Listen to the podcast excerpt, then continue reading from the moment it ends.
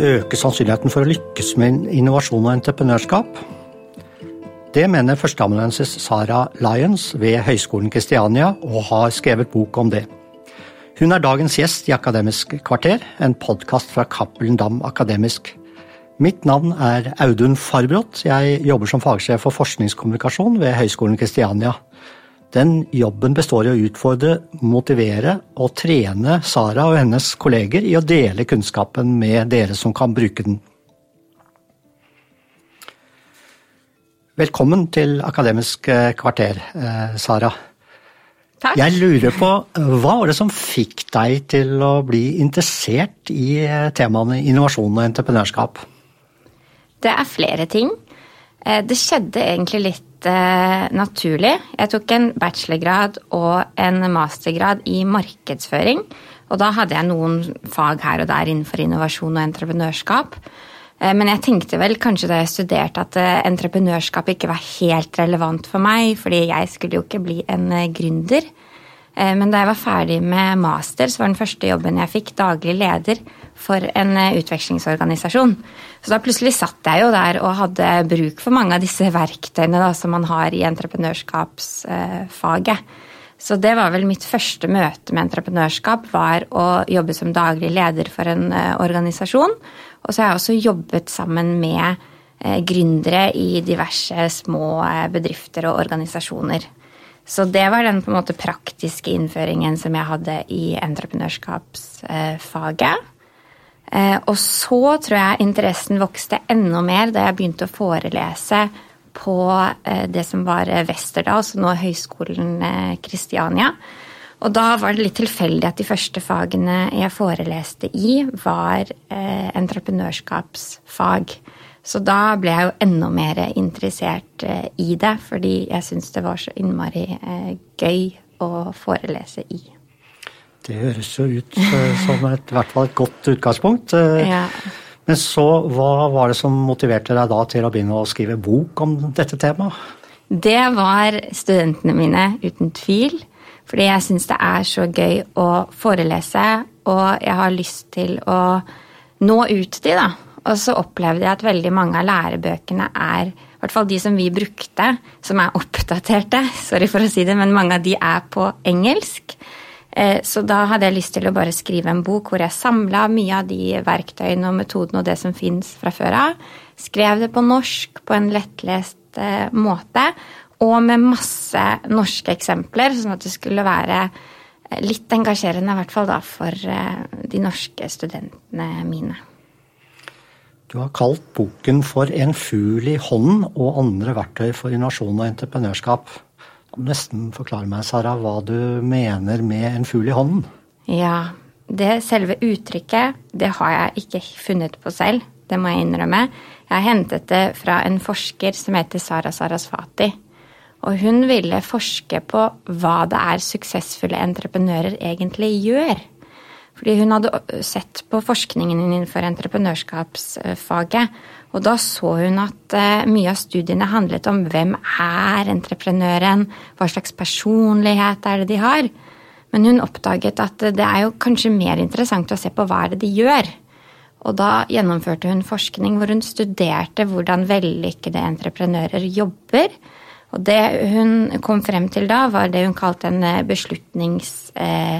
beslutningslogikk, som jeg på norsk kaller, på, nei, som jeg på norsk kaller effektuering. Men første steget i den beslutningslogikken, det er en fugl i hånden. Og med det så mener jeg at ofte hvis du skal ha en veldig god idé, så er det lett å tenke å, jeg må ha verdens beste idé, og du løper etter de ti fuglene som er på taket. Men egentlig så er det best å bare starte med det du har tilgjengelig her og nå. Hva er det du er god på? Hva er det som interesserer deg? Hva er det du brenner for? Det er på en måte det jeg mener med fuglen i hånden. da. Så ditt utgangspunkt, og hvordan kan du skape en ny mulighet her og nå ut ifra det? Og her i boken så tar du også og knytter en forbindelse til en uh, kjent norsk uh, entreprenør. Ja. Jeg har jo Første gangen jeg foreleste i entreprenørskap, så fikk jeg Eh, for å si det sånn, alle de muntlige eksamene hadde Petter Stordalen på eksamensinnleveringen, så jeg skjønte at jeg oversolgte min entusiasme for Petter Stordalen litt. Men han snakker jo mye om jordbærfilosofien, og jordbærfilosofien det er egentlig et annet ord for den teorien effectuation. Da må du nesten forklare oss hva Petter Stordalens jordbærfilosofi går ut på. Ja, Petter Stordalen han snakker jo ofte om jordbærfilosofien sin. Og jordbærfilosofien oppsummert, det handler om at du må selge de bæra du har. Eh, Petter Stordalen han forteller jo veldig ofte historien om hvordan han starta som jordbærselger i Porsgrunn, og hvordan han kom hjem til faren sin en dag, og han hadde oppdaga at eh, de andre jordbærselgerne hadde bedre bær og større stand, og i det hele tatt alt var bedre hos eh, konkurrentene. Og faren sa Peter, du må selge de bæra du har, for det er de eneste bæra som du kan selge. Og det er jo kjernen i jordbærfilosofien, som handler du må bruke energi og ressurser på det du kan kontrollere. Det er nettopp det som også er tanken med fuglen i hånden, eller ditt utgangspunkt, eller kall det hva du vil. Men det handler om å starte med det du er god på, fokusere på det du har, de bæra som du har, og ikke standa til alle andre rundt deg. Det er mange som bruker begrepene som du skriver om, innovasjon, entreprenørskap. Mm. Det er jo to forskjellige ting. Kanskje mm. henger det delvis sammen. Mm. Kunne du forklare oss eh, hva er egentlig innovasjon, og hva er entreprenørskap? Ja, det er jo et eget kapittel som man kunne sagt mye om. Men innovasjon, det handler jo om å skape noe nytt for å generere en ny verdi. Så hvis du bare lager noe nytt, så er det en ny oppfinnelse. Men hvis det er noe som man faktisk kan ja, som skaper en verdi, eller man faktisk tjener penger på, da, da er det eh, innovasjon. Og entreprenørskap, det forbinder jo mange med oppstart. Og det er jo selvfølgelig Det handler om det med gründerskap og starte nye bedrifter. Men det kan også være Eh, å drive med entreprenørskap i eksisterende bedrifter, eh, f.eks. Så forskerne som forsker på entreprenørskap, de har begynt å se mer ikke bare på den entreprenøren som, er, eh, som driver for seg selv, men også hvor viktig det er å ha denne type tankegang i eksisterende virksomheter. Så det er jo derfor dette her er relevant for jeg mener jo alle studenter, selv de som ikke nødvendigvis har tenkt å starte eh, for seg selv. Mm. Er det så mulig å lese seg til å bli en god entreprenør, eller lese seg til å lykkes med innovasjon? Det er et veldig godt spørsmål. Jeg vil jo si at nei, du kan ikke lese deg til å bli en god innovatør eller en god entreprenør. Men du kan jo lære deg, det er jo det jeg skriver i boka, du kan lære noen Kanskje du kan lære noen spørsmål som hjelper deg på veien. Du kan lære deg noen verktøy for hvordan, hvordan kan du egentlig forstå hva kunden vil ha. Hvordan kan du egentlig tjene penger på konseptet ditt på ulike måter. Hvordan kan du utvikle konsepter. Og disse tingene kan du jo lese om og lære om, men for å virkelig være god på det, så må du jo gjøre det. Det er jo derfor man i skolen fremhever læring gjennom entreprenørskap, for det er jo faktisk da du lærer, da. Så jeg vil ikke oppfordre deg til å bare sitte og lese om det. Nei. Hva ønsker du at denne boken skal gjøre med leserne? Eller litt sagt på en annen måte, hva ønsker du at leserne skal gjøre som et resultat av fra ikke bare lese, men også gjøre? Ja, jeg vil jo gjerne at når studentene mine leser denne boka her, eller andre studenter, eller andre som er interessert i det her, så håper jeg at de tenker ok, jeg skal bare prøve å gjøre dette her. Det er det jeg har lyst til å oppfordre til. At man ikke bare leser om det, men at man ser at hvis jeg drømmer stort, så må jeg faktisk bare starte her og nå. Jeg kan starte med en liten eh, Instagram-profil eller en liten podkast, men at man forhåpentligvis blir, forhåpentligvis blir inspirert til å bare sette i gang i det små.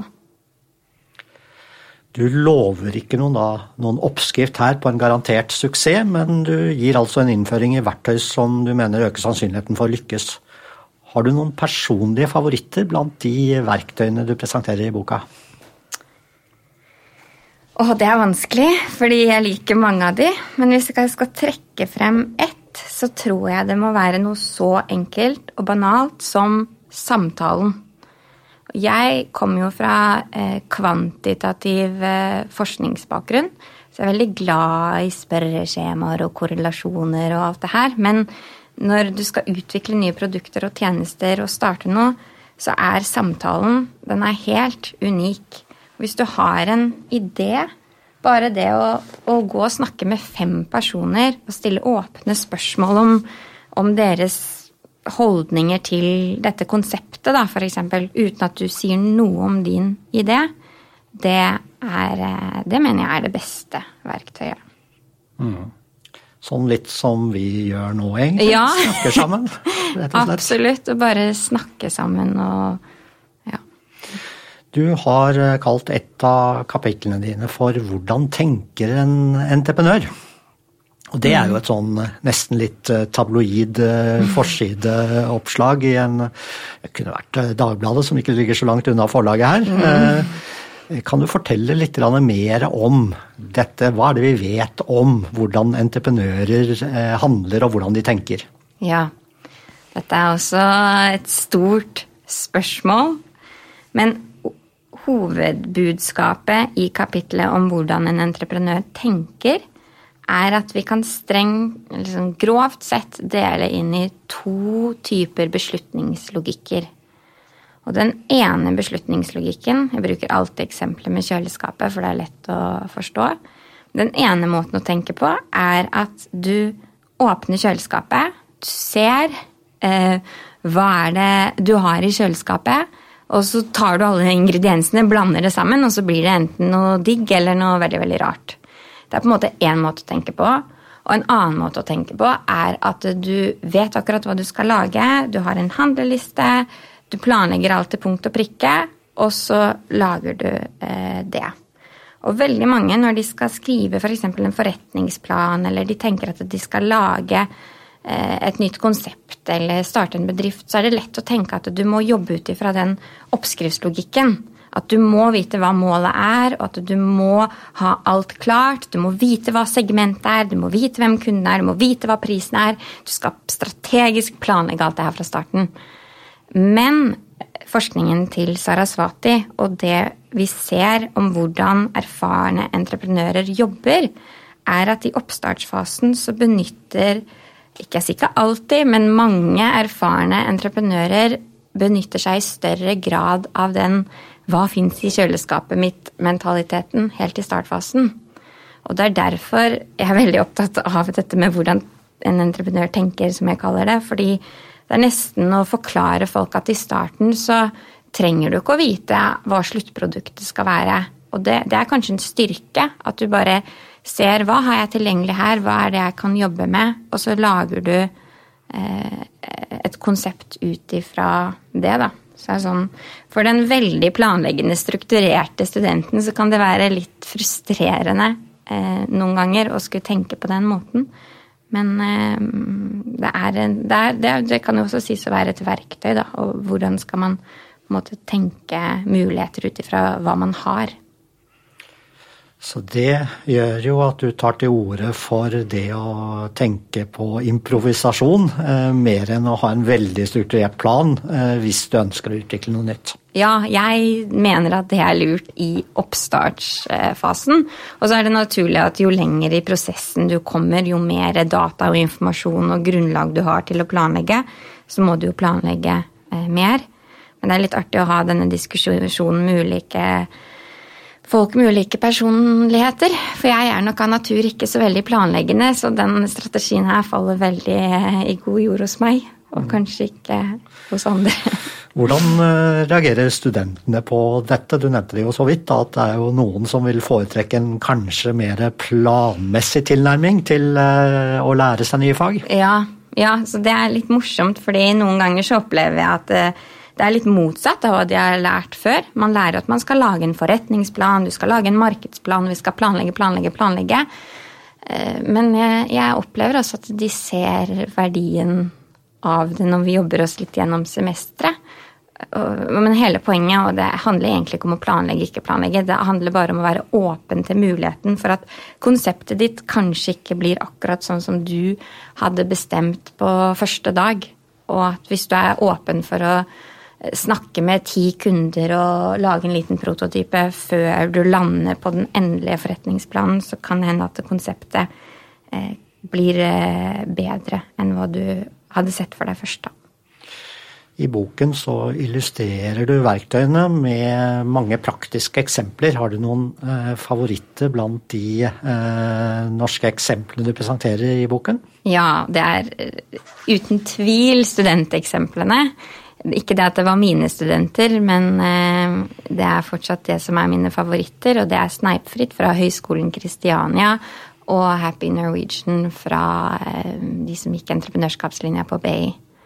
Og det jeg syns er fint med de eksemplene, er at de begge de to studentbedriftseksemplene de utviklet seg til å bli AS. Og i begge de to eksemplene så var studentene opptatt av at de skulle starte noe smått. De, de skulle starte med fuglen i hånden. De ville starte med noe som de kunne gjennomføre på et semester. Og det er faktisk de som prøvde å lage noe lite, som ble noe stort så skriver du om et av de verktøyene du presenterer er designtenkning, eller design thinking eh, mm. opprinnelig. Eh, det brukes jo mye, kanskje litt for mye i en del sammenhenger. Hva mm. er egentlig designtenkning? Design thinking, eller designtenkning, det er jo kun en eh, problemløsningsmetodikk, vil jeg si. Det er en enkel oppskrift på hvordan Eller enkel og enkelt, men det er i hvert fall en metodikk på hvordan du kan løse store og små problemer. Det kan være alt fra at vi har Det kan være kjempestore problemer til vi har et bærekraftsproblem, til eh, hvordan kan Idun selge mer ketsjup, eller hvordan kan studentkollektivet få til eh, mer orden i stua. Så det er, eh, det er en metode for å løse problemer Eh, men hovedbudskapet i designtenkning er at du skal starte med kunden eller brukeren. Ikke med selve eh, produktet eller tjenesten, men du skal starte med den du faktisk løser problemet for. Kunne du kort beskrive eh, denne metoden? Ja. Jeg gjør det med et eksempel. Et klassisk eksempel der man eh, brukte design eh, thinking. Det var på togstasjonen. Se for deg at du står på togstasjonen, og så står det en sånn eh, salgsautomat der med alt mulig snacks og brus og eh, ja, sånn eh, salgsvarer. Og så vil du som eh, sjef der, du har lyst til å selge mer av disse produktene så kan man tenke hva skal til for at vi skal selge flere av disse produktene? Og umiddelbart så tenker du kanskje ja, det må være sunnere produkter, eh, prisen var sikkert for høy Du begynner med en gang å tenke på alle ting som kan forbedres med selve produktene. Men design thinking, det eh, skifter fokus over på hvem er det som egentlig kjøper disse produktene? Og hvor er disse personene, og når er de i den situasjonen, osv. Og, og det de fant frem til da, var at grunnen til at de ikke solgte nok av disse produktene, var fordi eh, alle personene som sto og venta på toget, sto og kikka på klokka, og den var vendt motsatt vei av disse salgsautomatene. Så med en gang man bare snudde de, så økte salget.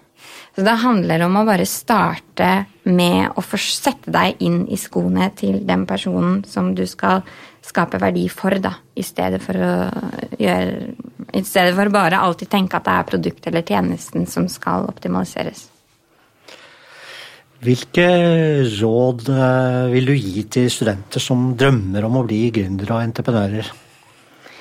Hvis du er student, så vil jeg bare bruke den situasjonen du er i nå, for alt er verdt. Å være student det er din gullbillett inn til å skaffe nettverk, til å få kontakter, eh, til å ja, lage en liten studentorganisasjon, starte en podkast, eh, få med en foreleser på et forskningsprosjekt. Altså, du har så mange muligheter.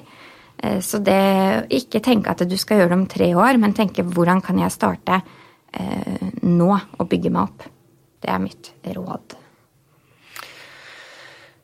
Hva kan høyskoler og universiteter gjøre mer av for å sette studentene i stand til å bli da entreprenører eller endringsagenter, som det også snakkes om, som er et mål for eh, ja. det vi holder på med? Det er et godt spørsmål, det. Og jeg vil jo si at eh, vi må gjøre det samme som jeg ber studenten min om å gjøre. Så jeg som eh, foreleser har jo som mål på sikt å, å involvere studenter mer i forskningsprosjektene mine, og at uh, undervisningen går mer hånd i hånd med forskning, og at man ja, kan skape flere muligheter sammen. da. Sånn at det, det initiativet må vel gå mer begge veier, kanskje i en perfekt verden. Mm. Ja, For du har en ambisjon om at ikke bare de som spesifikt studerer eller tar entreprenørskap som fag, men også egentlig studenter mm. i alle fag i større grad gå ut og kunne da gjøre en forskjell eh, der de kommer. Ja, det høres vakkert ut, men ja, jeg mener det. Og jeg syns at denne type fag er relevant for absolutt alle. For det handler jo egentlig bare om å hvordan kan du finne på smarte ideer og handle og gjennomføre det? Og det kan jo være alt fra å skape en bedre møtekultur på jobben til å skape en ja, bedre verden. Da sier jeg takk for det, eh, Sara. Og takk for at akkurat du lyttet til Akademisk kvarter, en podkast fra Cappelen Dam Akademisk.